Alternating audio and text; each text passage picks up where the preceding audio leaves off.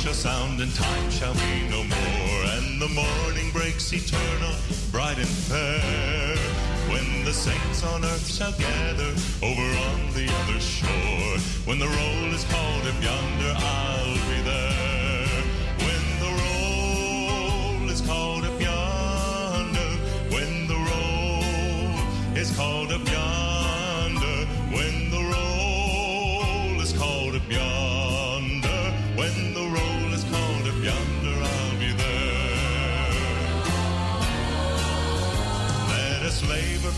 master from the dawn to setting sun. Let us talk of all his wondrous love and care. Then, when all of life is over and our work on earth is done,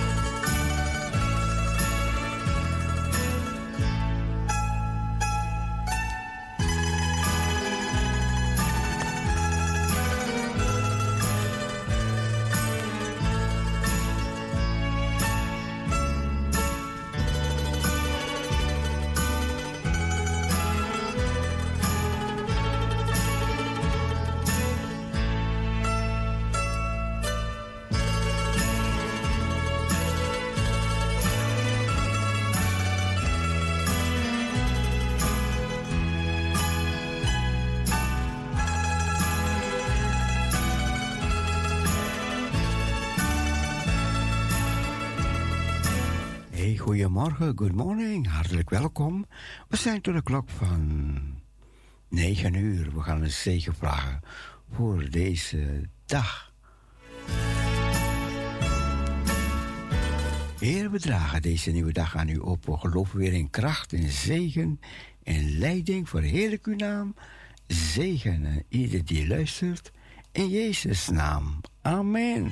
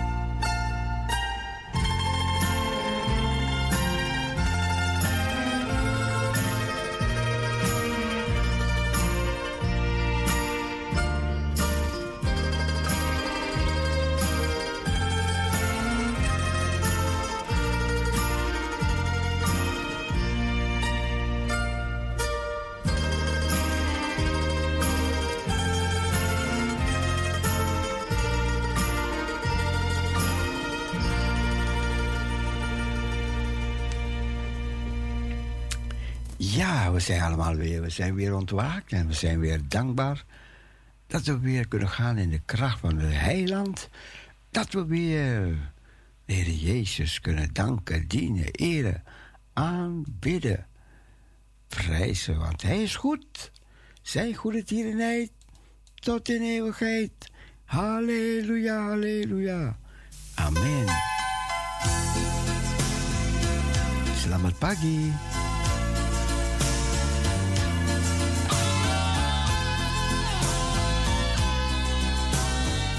Wakker worden.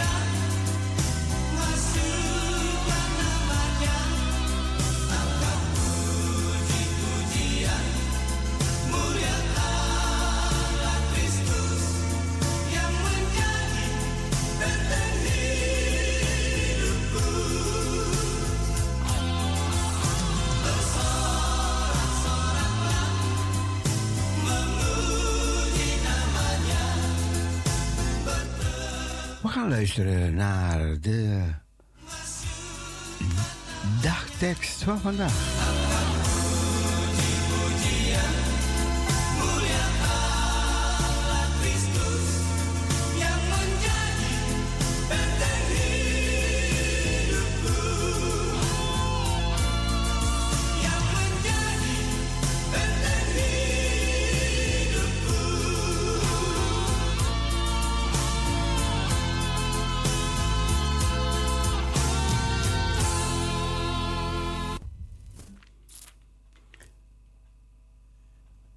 Dagtekst, die komt eraan.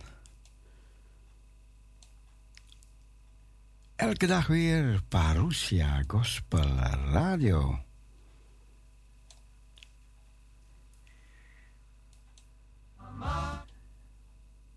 Even kijken hoor, eventjes.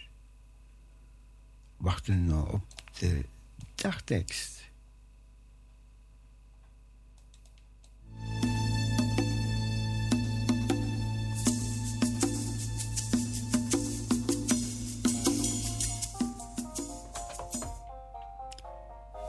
Goedemorgen. Goedemorgen, broeder Cecile. Goedemorgen. Good morning. Gran morgu. Bom dia, selamat pagi. Namaste. Namaste, ja, ja, ja. Oké, oké. Ja, broeder Cecile. Ja, ja. Goed geslapen? Ja hoor. Ja, ik heb ook goed geslapen. Ik hoop dat de luisteraars ook goed hebben geslapen. Ja. En we danken God weer voor de afgelopen dag, nacht. Ja. En we danken de Heer voor de nieuwe dag die Hij gemaakt heeft. We Ja. danken Hem voor al zijn zegeningen, wat we krijgen iedere dag opnieuw en opnieuw. Hij is altijd bij ons, Hij laat ons niet in de steek. Ja, broeder Cecile. Nou, broeder Cecile, dan ga ik lezen. Ja hoor. Ja, de dagtekst is gehaald uit Jesaja 58, vers 7.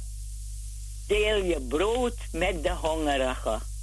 Deel je brood met de hongerigen. Jesaja 58, vers 7. En uit Hebreeën 13, vers 16. Houd de liefdadigheid en de onderlinge soli- solidariteit in ere. Want dat zijn offers waarin God behagen schept. Houd de liefdadigheid en de onderlinge solidariteit in ere, want dat zijn offers waarin God behagen schept. Hebreeën 13, vers 16. En een liedvers. Wij willen gaven delen met mensen wereldwijd.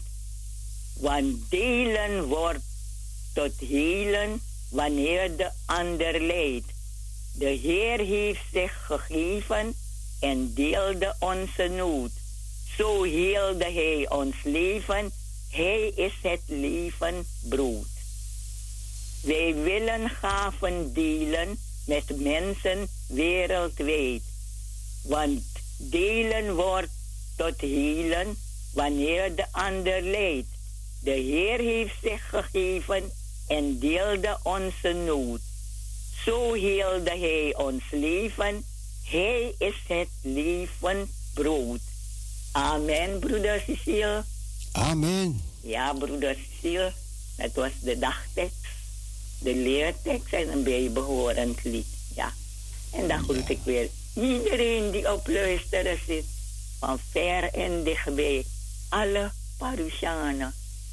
En uw broeder Cecile ook een gezegende draaitijd. Een gezegende dagtekst. Een gezegende dag. Ja, broeder Cecile. Ja, ja. En dan eh, gaan we verder naar u luisteren. Ja, broeder Cecile? Jawel, jawel. Ja, ja, ja. In eh, Ja. korte ochtend denkt u aan de thee, een warme kopje thee. Ja Ik- hoor. De zon achter de gordijnen. Dus eh, dan kijken we verder wat God voor ons gaat doen. We Ja. zien uit naar de week die voor ons ligt. Ja. Ja hoor, broeder Cecil, dag. Fijne dag. Ja, dank je, hetzelfde. Doei doei. Doei. Doei, doei.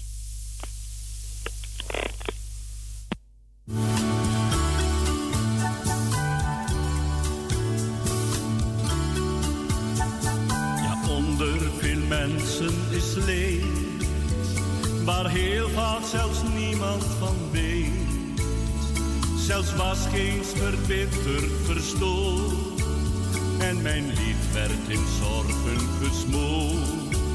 Maar een stem klonk door in mijn smaak en hij gaf een nieuw lied in mijn hart.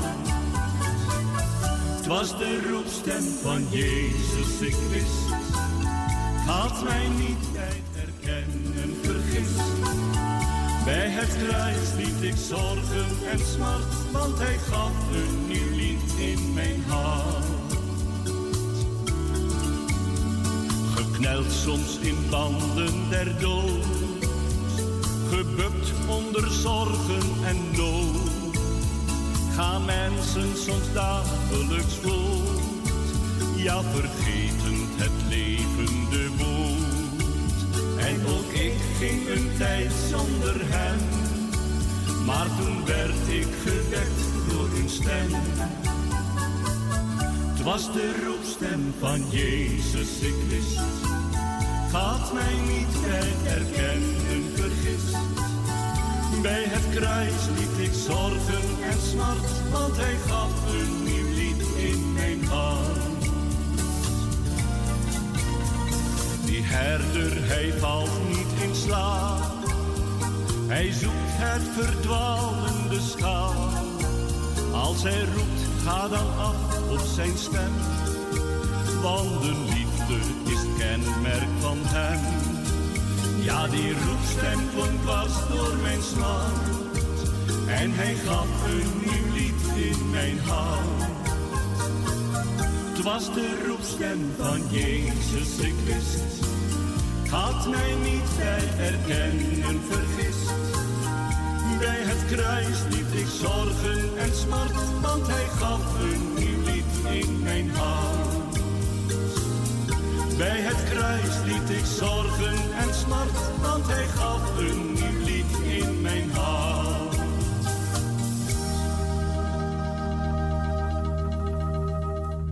Hij gaf mij een nieuw lied in mijn hart. We gaan genieten van deze mooie dag, deze nieuwe dag. Het is, aan het, is regenachtig, maar gaan we ook van genieten. Zo zijn wij. Wij weten van alles te genieten. Ja, toch?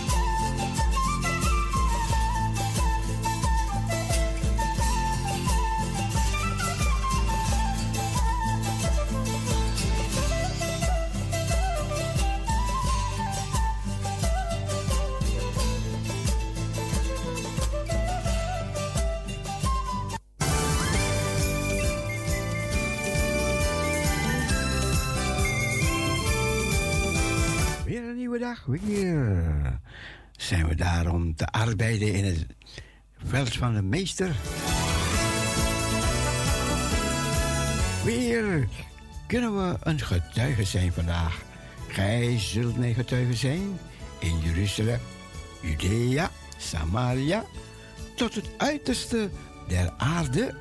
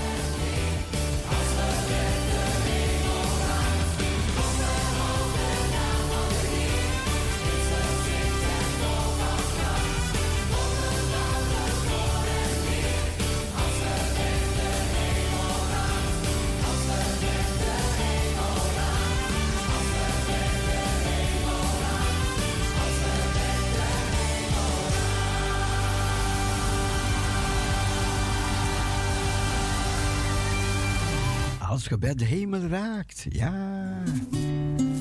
Allemaal, allemaal. Wakker worden, wakker worden. De poorten van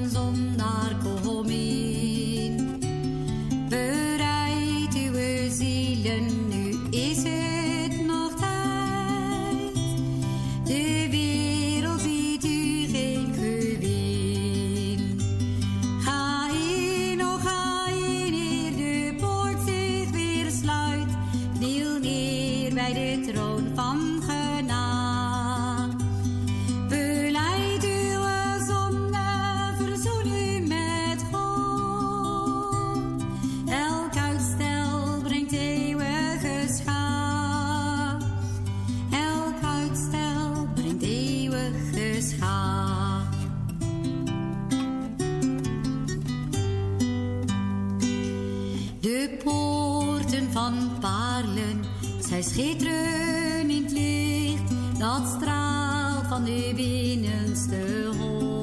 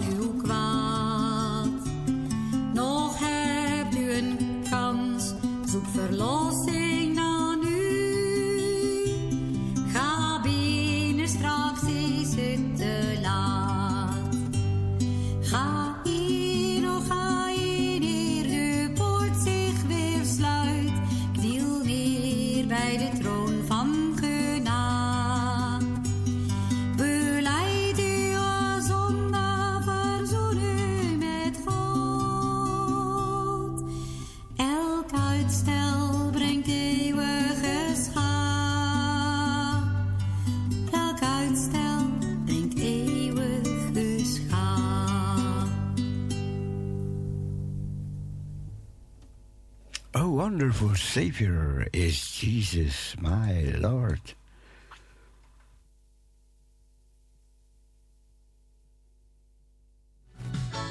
Een wonderbare redder is Jezus, mijn Heer. Ja, dat werd gezongen door Janneke.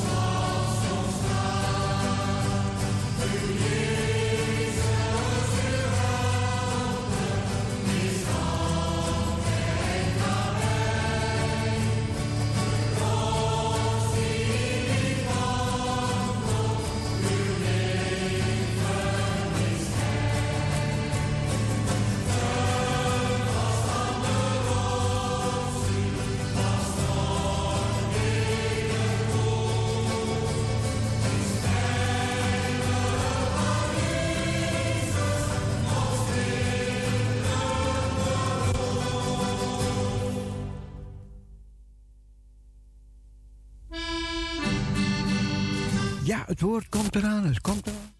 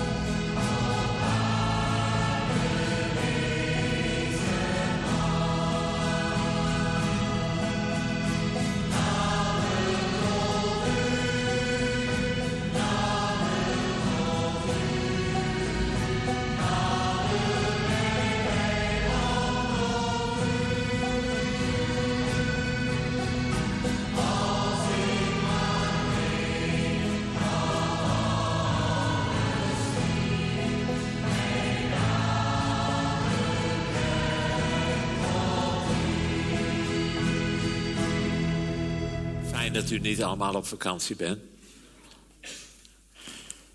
Het is eh, bijzonder altijd voor mij om zo in Emmeloord te mogen zijn. Het is eh 47 jaar geleden dat Annie en ik in Emmeloord neerstreken... om het kantoor van de OM te beginnen. En eh, het is heerlijk om eh, ja, terug te zien op zoveel prachtige dingen... die we hier hebben meegemaakt. Ik ben ook dankbaar dat ik eh, elke zondag mag voorgaan. Ik heb dit jaar geen vrije zondagen meer. En dat ervaar ik als God. De, alle, evangel alle evangeliën die maken heel duidelijk dat Jezus goddelijk is. Hij is niet alleen maar een mens. Hij is niet alleen maar een goed voorbeeld. Hij is niet alleen maar een groot leraar. Nee, hij is God en mens. Het Matthäus-evangelie bijvoorbeeld heeft drie voorvallen... waar mensen in aanbidding voor Jezus neervallen. En daar wordt in het Grieks een woord gebruikt... dat aanbidding, die, die is alleen voor God. En het feit dat Jezus die aanbidding accepteert... dat zegt boekdelen over wie hij is. Um, het Marcus-evangelie bestaat voor een derde deel uit de beschrijving van het lijden en sterven van Jezus.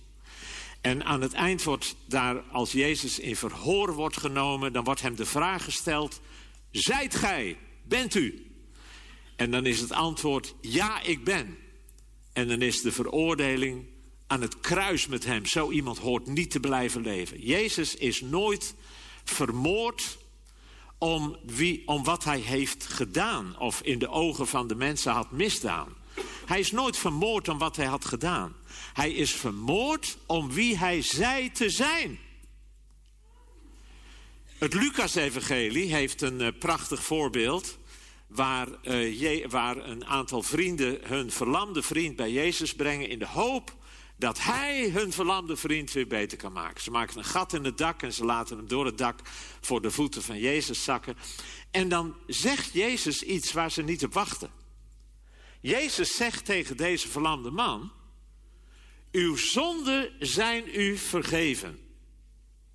Maar daar kwamen ze helemaal niet voor. Maar dat zegt Jezus wel. Op dat moment springen de Joodse leiders naar voren. En die zeggen, ho, ho, ho, dat kan zomaar niet. Niemand kan zonde vergeven, dat kan God alleen.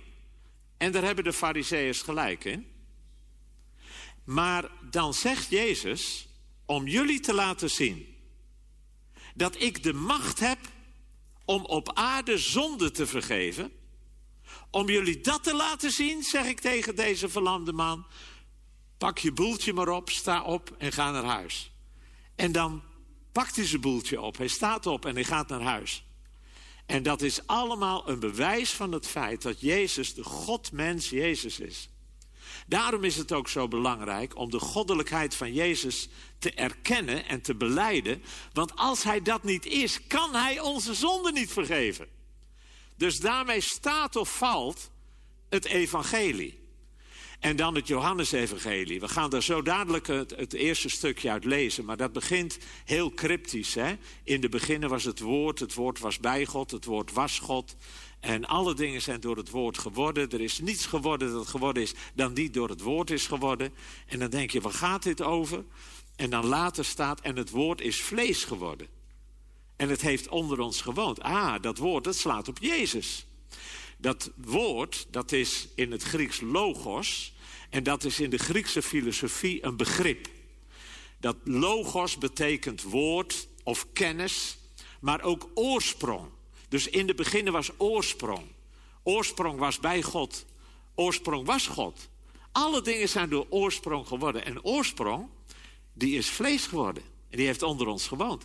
Jezus ja, en als je dat dan terugleest, dan zeg je, Jezus was bij God, Jezus was God. Alle dingen zijn door Jezus geworden. Er is geen ding geworden dat geworden is, die niet door Jezus is geworden. En Jezus is vlees geworden. Jezus heeft onder ons gewoond. En wij weten, Jezus heeft voor ons geleden en is voor ons gestorven. Maar Jezus is de God-mens Jezus. Waarom is het zo belangrijk? Waarom is het zo belangrijk als we nadenken over de vraag wie ben ik? Omdat uiteindelijk zijn woord het hoogste gezag heeft in het hele universum. Het is een basisbehoefte van ons allemaal om te weten wie ben ik. Iedereen gaat bewust of onbewust door fases in je leven waar je daarmee bezig bent. Wie, wie ben ik? Wat is de waarde van mijn leven? Het was de vraag die Mozes stelde.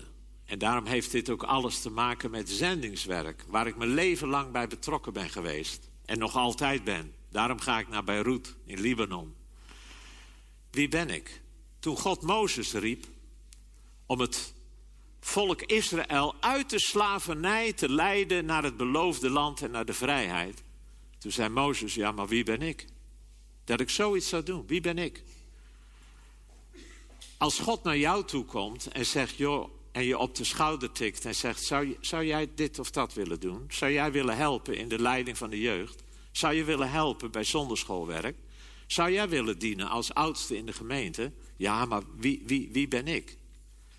Het is een vraag die we onszelf allemaal stellen en die heel belangrijk is, omdat dat weer te maken heeft met hoe we in het leven staan en wat we, wat we zullen doen in het leven. Het is uh, kort geleden dat ik naar de radio luisterde en dat ik een, een Surinamer, een Hindoestaan, uh, hoorde spreken over het volgende. Het, wij hebben net uh, herdacht dat de slavernij zo lang geleden is afgeschaft. Daarna hebben Nederlanders mensen onder andere uit India gehaald om op contracten van vijf jaar voor een hongerloodje in Suriname te komen werken. En dan na vijf jaar kregen ze de keus of we brengen je terug naar India... of we geven je een stukje land en wat geld... zodat je hier voor jezelf kan beginnen. Nou, de meesten kozen voor het laatste. En daarom is de gemeenschap in Suriname... de grootste deel van de gemeenschap... dat zijn Hindoestanen. Dat zijn mensen van Indiase origine. En deze jongen was ook een Hindoestaanse Surinamer. En hij heeft een boek geschreven over die contractarbeiders. Want, zei hij, en nou komt het, ik wilde weten wie ik ben. Dat waren zijn roots. En hij wilde weten wat zijn roots waren. Hij wilde weten wie hij was. Een psycholoog hoorde ik zeggen dat dit het, het belangrijkste, het grootste stresspunt is voor tieners, opgroeiende jonge mensen. Uh, de zoektocht naar hun eigen waarde en zoektocht naar, ten diepste naar de vraag, een antwoord op de vraag, wie ben ik? Dus het is een, een basisbehoefte van ons allemaal. We hebben allemaal nodig te weten wie we ten diepste zijn. En als je dat gaat ontdekken en als je gaat zien wat God daarvan vindt, dan verandert dat je leven totaal. Twee weken geleden ik sprak ik in een, in een kerk hierover en toen kreeg ik na afloop een mailtje van een jonge vrouw die schreef: Ik wilde je even bedanken voor de preek van afgelopen zondag over wie ik ben. Het heeft mij diep geraakt. Ik heb jarenlang gezocht naar wie ik ben. Ik heb een traumatische jeugd gehad met misbruik, incest, jarenlang in de psychiatrie gezeten. Ik wil niet zeggen dat het me niet geholpen heeft, maar mijn ware identiteit ligt daarin dat ik een geliefd kind van God ben. Dank je dat je dit zo mooi hebt uitgediept. Het is een basisbehoefte van ons allemaal om te weten wie ben ik ten diepste. Iedereen gaat wel eens door een crisis met twijfel tot gevolg. Kort geleden ontmoette ik een zakenman die ooit een eigen bedrijf heeft begonnen en dat bedrijf is uitgegroeid tot een internationaal bedrijf, maar dat bedrijf is failliet gegaan. En hij vertelde mij, zegt Joop, het klinkt raar, maar dat faillissement is me geestelijk tot grote zegen geworden. Zo gaat dat soms. En toen zei hij, maar het gaat wel diep. Hij zegt, in die tijd ga je twijfelen aan jezelf. Je gaat de vraag stellen, wie ben ik nou nog eigenlijk? Ik was de CEO van een internationaal bedrijf, dat ik zelf begonnen. En plotseling heb je helemaal niks meer. Wie, wie ben ik nou nog? Iedereen gaat wel eens door een crisis met twijfel tot gevolg. Ik weet nog dat toen vier jaar geleden Annie stierf, ik een briefje kreeg van iemand die zei: Joh, dat kan toch niet? Het was toch altijd Joop en Annie? En nou is het alleen maar Joop. Ik moet je vertellen dat ik mijn kinderen regelmatig heb verteld. Dit gaat zo diep. Dat is eigenlijk ook voor mij een identiteitscrisis. Wie ben ik nou? Zonder dat mijn lieve vrouw aan mijn zijde staat. Het is, uh, het is iets waar we allemaal van tijd tot tijd mee te maken hebben. Een Duitse theoloog, Dietrich Bonhoeffer, schreef er ooit een heel mooi gedicht over. Dietrich Bonhoeffer was een dominee die zeer fel gekant was tegen de nationaal-socialisten.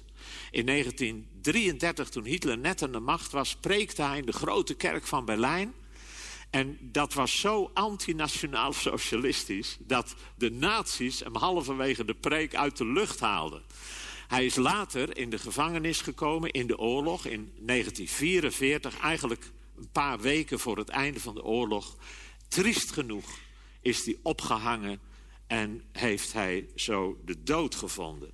In die gevangenis schreef hij dit, dit gedicht. En ik doe daar een paar gedeeltes, lees ik daaruit. Wie ben ik? Ze zeggen me vaak, jij treedt uit je cel, zo rustig, blij en zelfverzekerd, als een kasteelheer die uit zijn burcht komt. Wie ben ik? Ze zeggen me vaak, jij spreekt met de bewakers vrij rechtuit en vriendelijk, alsof jij hun chef was. Ben ik werkelijk wat anderen van me zeggen? Of ben ik alleen wat ik weet van mezelf? Onrustig en vol heimwee, ziek als een gekooide vogel, snakkend naar lucht, als werd ik gewurgd. Wie ben ik? Ben ik de een of ben ik de ander? Of ben ik nu de een en ben ik morgen de ander? Of ben ik beide tegelijk? Wie ben ik? Ik ben een speelbal van mijn eenzaam vragen. Maar wie ik ook ben, u kent mij. Ik ben van u, mijn God.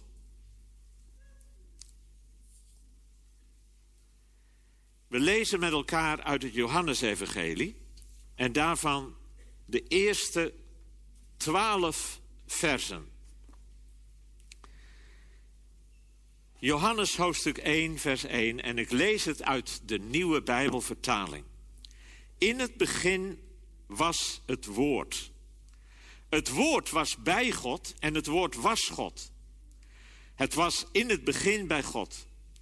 Alles is erdoor ontstaan. Zonder het woord is niets ontstaan van wat bestaat. In het woord was leven. En het leven was het licht voor de mensen. Het licht schijnt in de duisternis. En de duisternis heeft het niet in haar macht gekregen. Er kwam iemand die door God was gezonden. Hij heette Johannes. Hij kwam als getuige om van het licht te getuigen opdat iedereen door hem zou geloven. Hij was niet zelf het licht, maar hij was om te getuigen van het licht. Het ware licht dat ieder mens verlicht en naar de wereld kwam. Het woord was in de wereld, de wereld is door hem ontstaan en toch kende de wereld hem niet. Hij kwam naar wat van hem was maar wie van hem waren, hebben hem niet ontvangen. Wie hem wel ontvingen en in zijn naam geloven, heeft hij het voorrecht gegeven om kinderen van God te worden.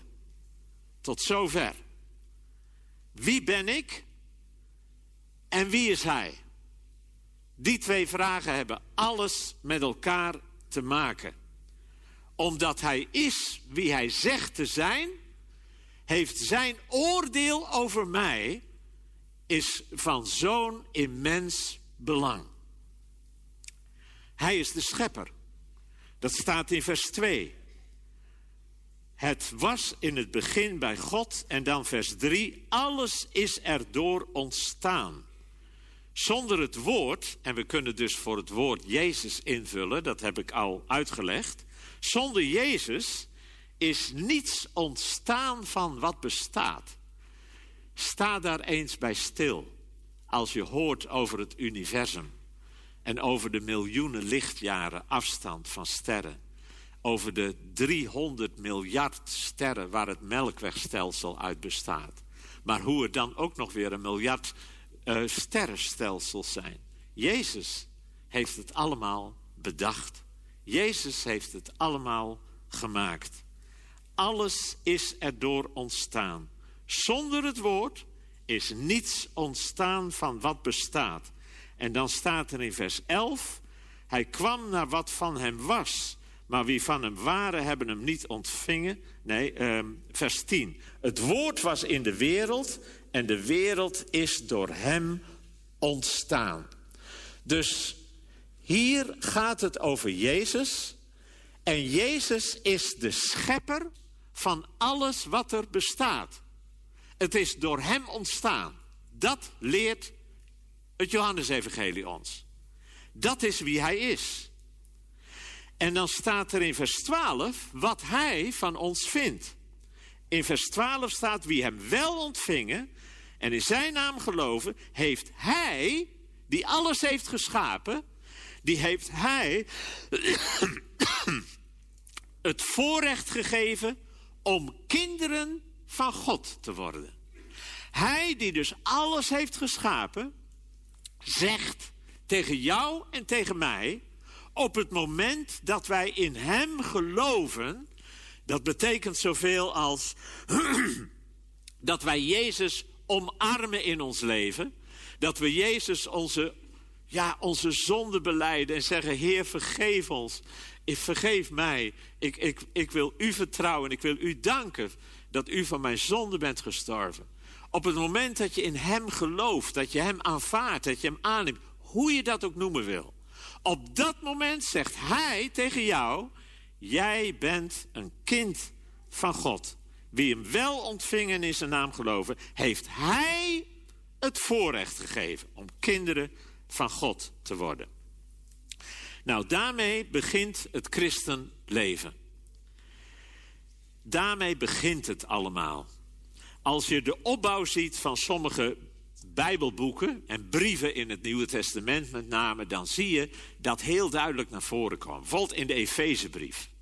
In de Efezebrief begint het in hoofdstuk 1 met ons te vertellen over alle geestelijke zegen die ons deel zijn als we in Jezus geloven. En dan staat er, in hem hebben we alle geestelijke rijkdom gekregen, in Christus. In hem zijn we vergeven. In hem zijn we al uitgekozen voor de grondlegging van de wereld. In hem hebben we genade ontvangen. In hem hebben we deel aan zijn liefde. In hem zijn we bezegeld met de heilige geest van de belofte. In hem hebben we al die rijkdom gekregen. In hem ben ik dat. In hem ben jij dat. En dan pas staat er in hoofdstuk 4, vers 1: Ik vraag u dan ook dringend om nu de weg te gaan die past bij uw roeping. Het begint met je nieuwe identiteit. En dan word je geroepen te leven in overeenstemming met wat je bent. In Romeinen, de Romeinenbrief, zie je hetzelfde. Daar gaan hoofdstuk 6 en 7 gaan over de, de, de, het gevecht zeg maar, tussen wat de wet van ons eist en tussen onze natuur. En dan staat er in hoofdstuk 6 in, het, uh, uh, in de Romeinenbrief: Ik ben dood voor de zonde. Ik ben dood voor de zonde.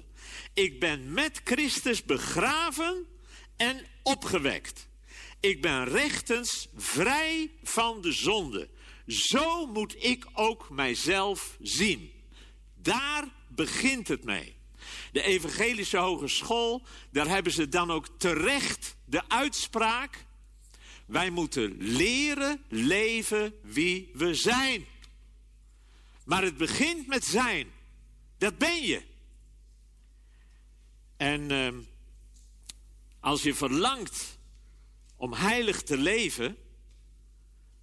en ik hoop dat je daarna verlangt, dan hangt je identiteit daar niet vanaf. Op het moment dat je faalt, dat je zondigt, dat je de plank weer mislaat. Die identiteit die is jou en mij gegeven op het moment dat je tot geloof kwam. Het is een geschenk van je Vader in de hemel. Net zo goed als je redding een geschenk is van je Vader in de hemel. Zo ging het ook bij Jezus. Als je de bediening van Jezus volgt, dan weet je dat hij geboren wordt, opgroeit zoals wij allemaal. En dan uiteindelijk op een jaar of dertig wordt hij gedoopt in de Jordaan. En dan is er bij die doop een speciaal gebeuren. Dan is er een stem uit de hemel, de Vader in de hemel, die zegt: Dit is mijn geliefde zoon. Dat is wie hij was. Dat is zijn identiteit. Vervolgens wordt hij geleid in de woestijn om door de Satan verzocht te worden. En wat doet de Satan? Die probeert hem allerlei dingen aan te praten. Joh, die broden, verander, die stenen, verander die in brood. He, doe wat. Want als je wat doet, dan ben je wat. Vervolgens dan zegt hij, neemt hij hem naar het dak van de tempel. Zegt, spring, spring van het dak af, joh. Want hè, er staat in de Bijbel, de engelen zul je bewaren. En weet je, als jij, als, jij, als, jij, als jij dat doet, dan gaan de mensen over je praten. En als, als mensen over je praten, dan, dan, dan ben je wat. En zo probeert de Satan ons te, duidelijk te maken dat, dat we wat moeten doen. We moeten, we, hè, mensen moeten, moeten een goede reputatie hebben. En dan zegt hij op een gegeven moment ook tegen, de, tegen Jezus... Uh, zegt hij van, uh, als je nou voor mij knielt... moest kijken, dan geef ik je dat allemaal. Want als je, als je wat hebt, he, dan ben je wat. Maar dat is één grote leugen. Dat je iets bent als je wat doet, of als je wat hebt... of als mensen goed over je praten... De stem van God uit de hemel, daar begint het mij. Dit is mijn geliefde zoon. In hem heb ik mijn welbehagen. En dan denk ik, dat is de stem die wij ook steeds weer tot ons hart moeten laten doordringen. Dat is wat Jezus ons het voorrecht heeft gegeven toen we Hem omarmden in ons leven. Een kind van God te zijn. Je identiteit is een geschenk van God. De kern van het evangelie, dat is dat onze redding een cadeau is. Daar kan je niks voor doen, daar kan je niet voor inspannen, kan je niet je best voor doen. Dat is iets dat kan je alleen maar ontvangen. In Efeze 2, vers 8 daar staat het zo duidelijk: Door zijn genade bent u immers gered. Het is een geschenk van God, geen gevolg van uw daden. Dus je redding is echt een geschenk van God. Je kan er niks van doen. Het is geen resultaat van je daden. Maar ook onze identiteit, wie ik ten diepste ben, is een geschenk van God. Om dat te mogen weten. Efeze 2, vers 10, daar staat. Want Hij heeft ons gemaakt tot wat we zijn. Het is van Hem, mijn identiteit, wie ik ten diepste ben. Het is een geschenk van God. Ik, ik ontdek nog altijd dingetjes die mevrouw zo links en rechts heeft opgeschreven. En kort geleden zag ik in een boek hoe ze haar levensmissie verwoordde. Lees het even aan je voor. Annie aan het woord. Ik ben een kostbaar kind van God. Ik wil leven tot zijn eer door mijn man en kinderen met liefde te dienen. Ik wil helpen het evangelie te verspreiden, te bidden en bij anderen gebed te stimuleren, zodat alle volkeren het goede nieuws over Jezus Christus zullen vernemen. Ze begint met die prachtige woorden. Ik ben een kostbaar kind van God. Als jij jouw levensmissie zou verwoorden, hoe zou je dan beginnen? Wie ben jij? Hoe zie jij jezelf? Wie ben ik? Ben ik wat anderen van me zeggen? Ben ik wat ik mezelf aanpraat? Ben ik wat ik voel? Ben ik wat ik bezit? Ben ik wat ik doe? Ben ik mijn positie in de samenleving? Ben ik wat ik, hoe ik ben opgeleid. Wie ben ik? En hoe weet ik dat ik dat werkelijk ben? De identiteit die wij onszelf en elkaar aanpraten, die vindt zijn oorsprong in van alles en nog wat.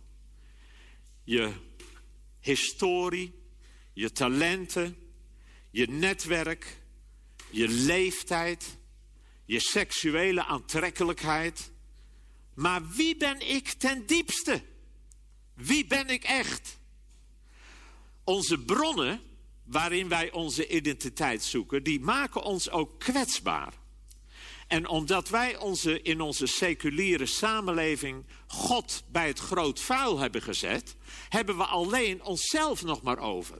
Dus als we dan gaan nadenken over wie ik ben, dan moeten we helemaal bij onszelf te raden gaan. Maar dat maakt ons kwetsbaar. Heel kwetsbaar. En dan denk ik dat je heel voorzichtig moet zijn om jezelf allerlei dingen aan te praten. Zoals, jij kunt het niet. Of moet je zien, je hebt weer gefaald. Moet je kijken, jij bent niet goed genoeg. We moeten heel voorzichtig zijn om dat soort dingen tegen onszelf te zeggen. We moeten ook heel voorzichtig zijn om onszelf altijd maar af te zetten tegen anderen. die ander, nee, die heeft het niet in de gaten. Of uh, die doen het verkeerd. En uh, die hebben het niet bij het goede eind. Dan ben je net als de fariseer die heel vroom staat te bidden. En er staat een, zondaar in de hoek met tranen in zijn ogen. O God, vergeef mij, vergeef mij mijn zonde. En die vrome fariseeën die zegt, dank u dat u mij niet, dat ik niet ben zoals die zondaar daar. En door je af te zetten tegen de ander, vind jij jouw identiteit. Moet je heel voorzichtig mee zijn. Dat je je identiteit gaat zoeken door je af te zetten tegen anderen.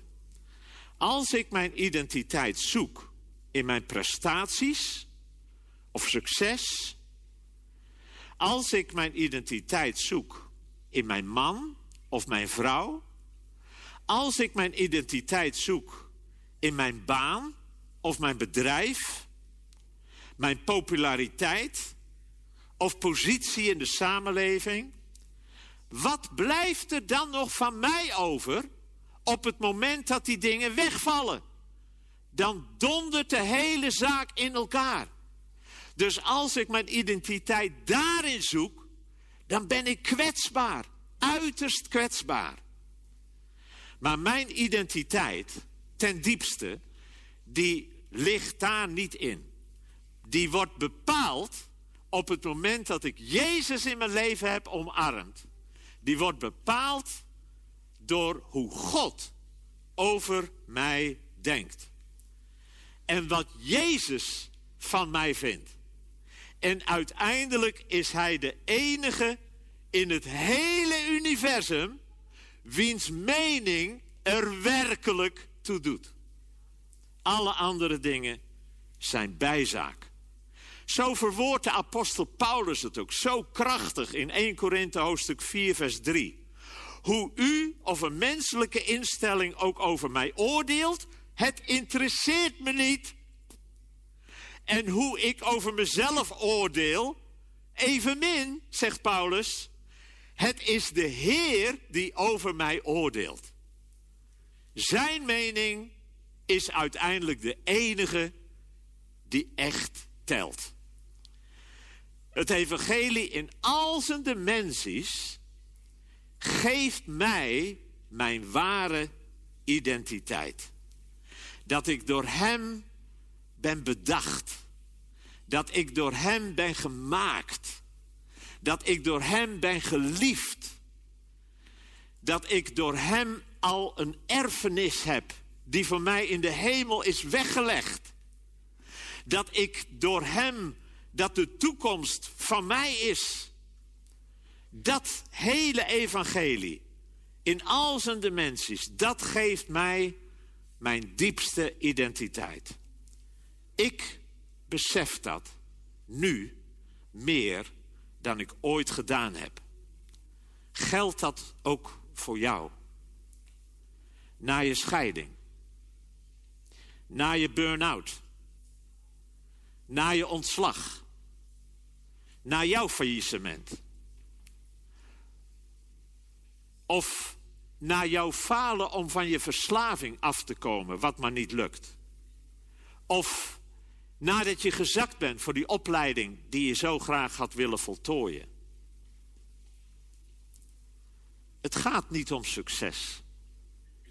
In Lucas 10, daar staat dat Jezus 72 van zijn volgelingen uitstuurt, twee aan twee, om het evangelie van het koninkrijk te verkondigen en om in de naam van Jezus zieken te genezen.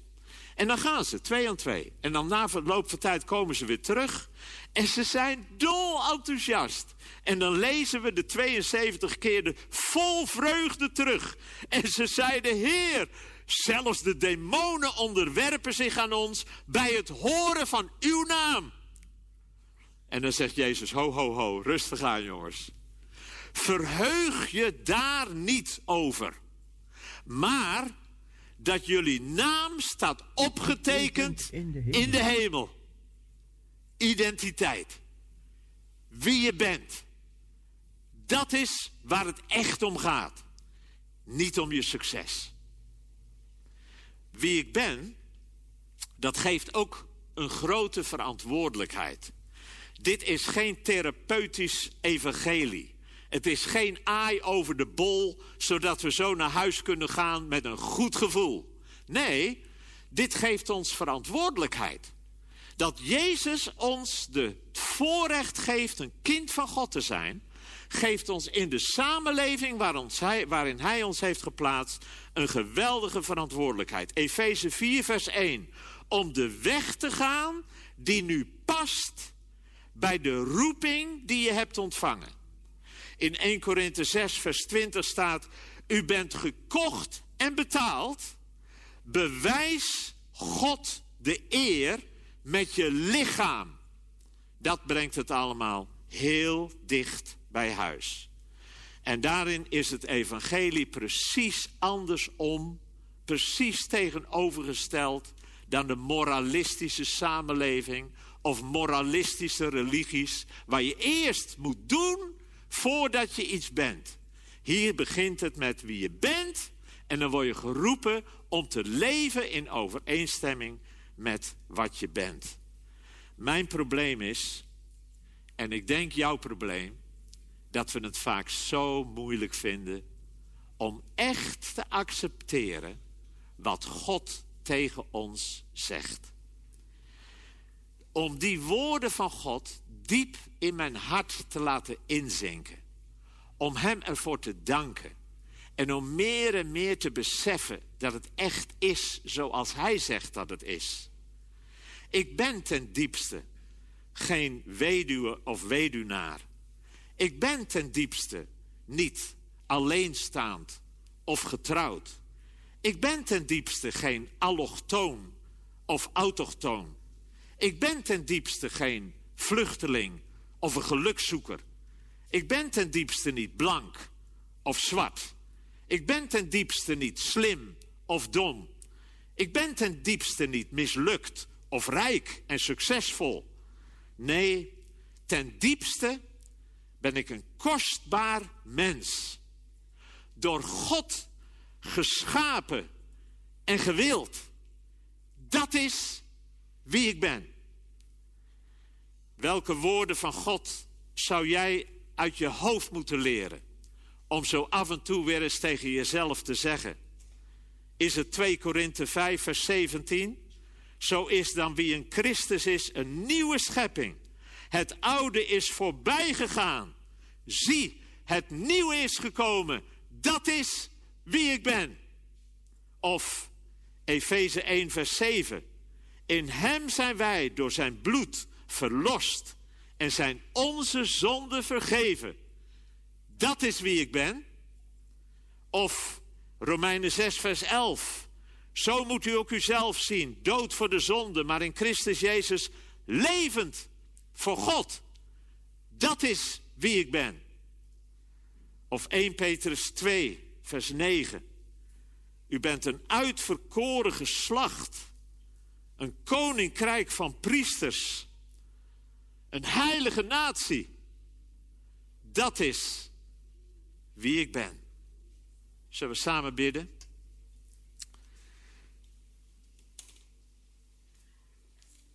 Vader in de hemel, neemt u deze woorden en brengt u ze diep in onze harten. Dat we dat zien dat we het ook helemaal kunnen accepteren en aanvaarden, dat we u ervoor kunnen danken.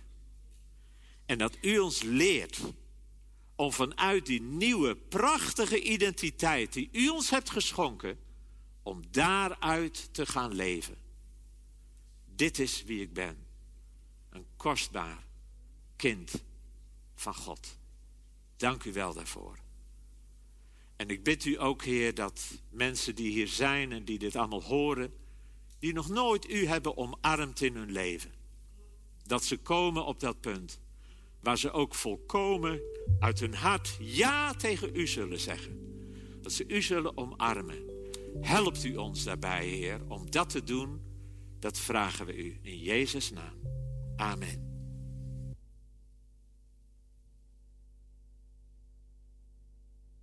Amen, dat was broeder Streetman. En het onderwerp is: Wie is hij? Broeder Joop Streetman.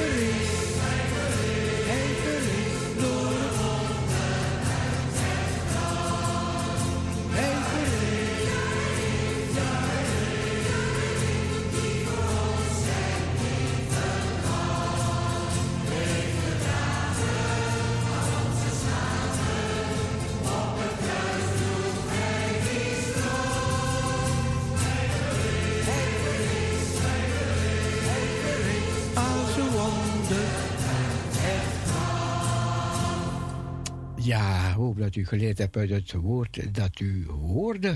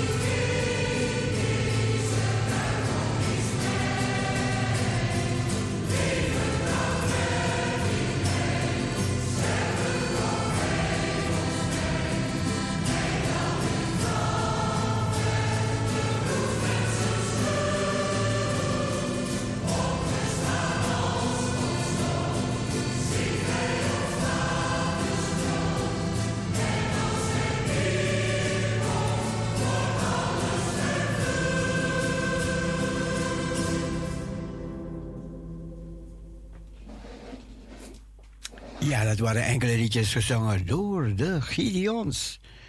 De Gideons.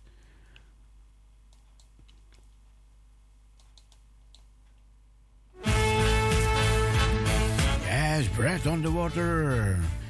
En de mensen van Mokum Radio, allemaal een plezierige dag toegewenst. Zometeen uh, uitzending van Radio Joshua en Radio De Muzikale Noot. Allemaal een plezierige uitzending.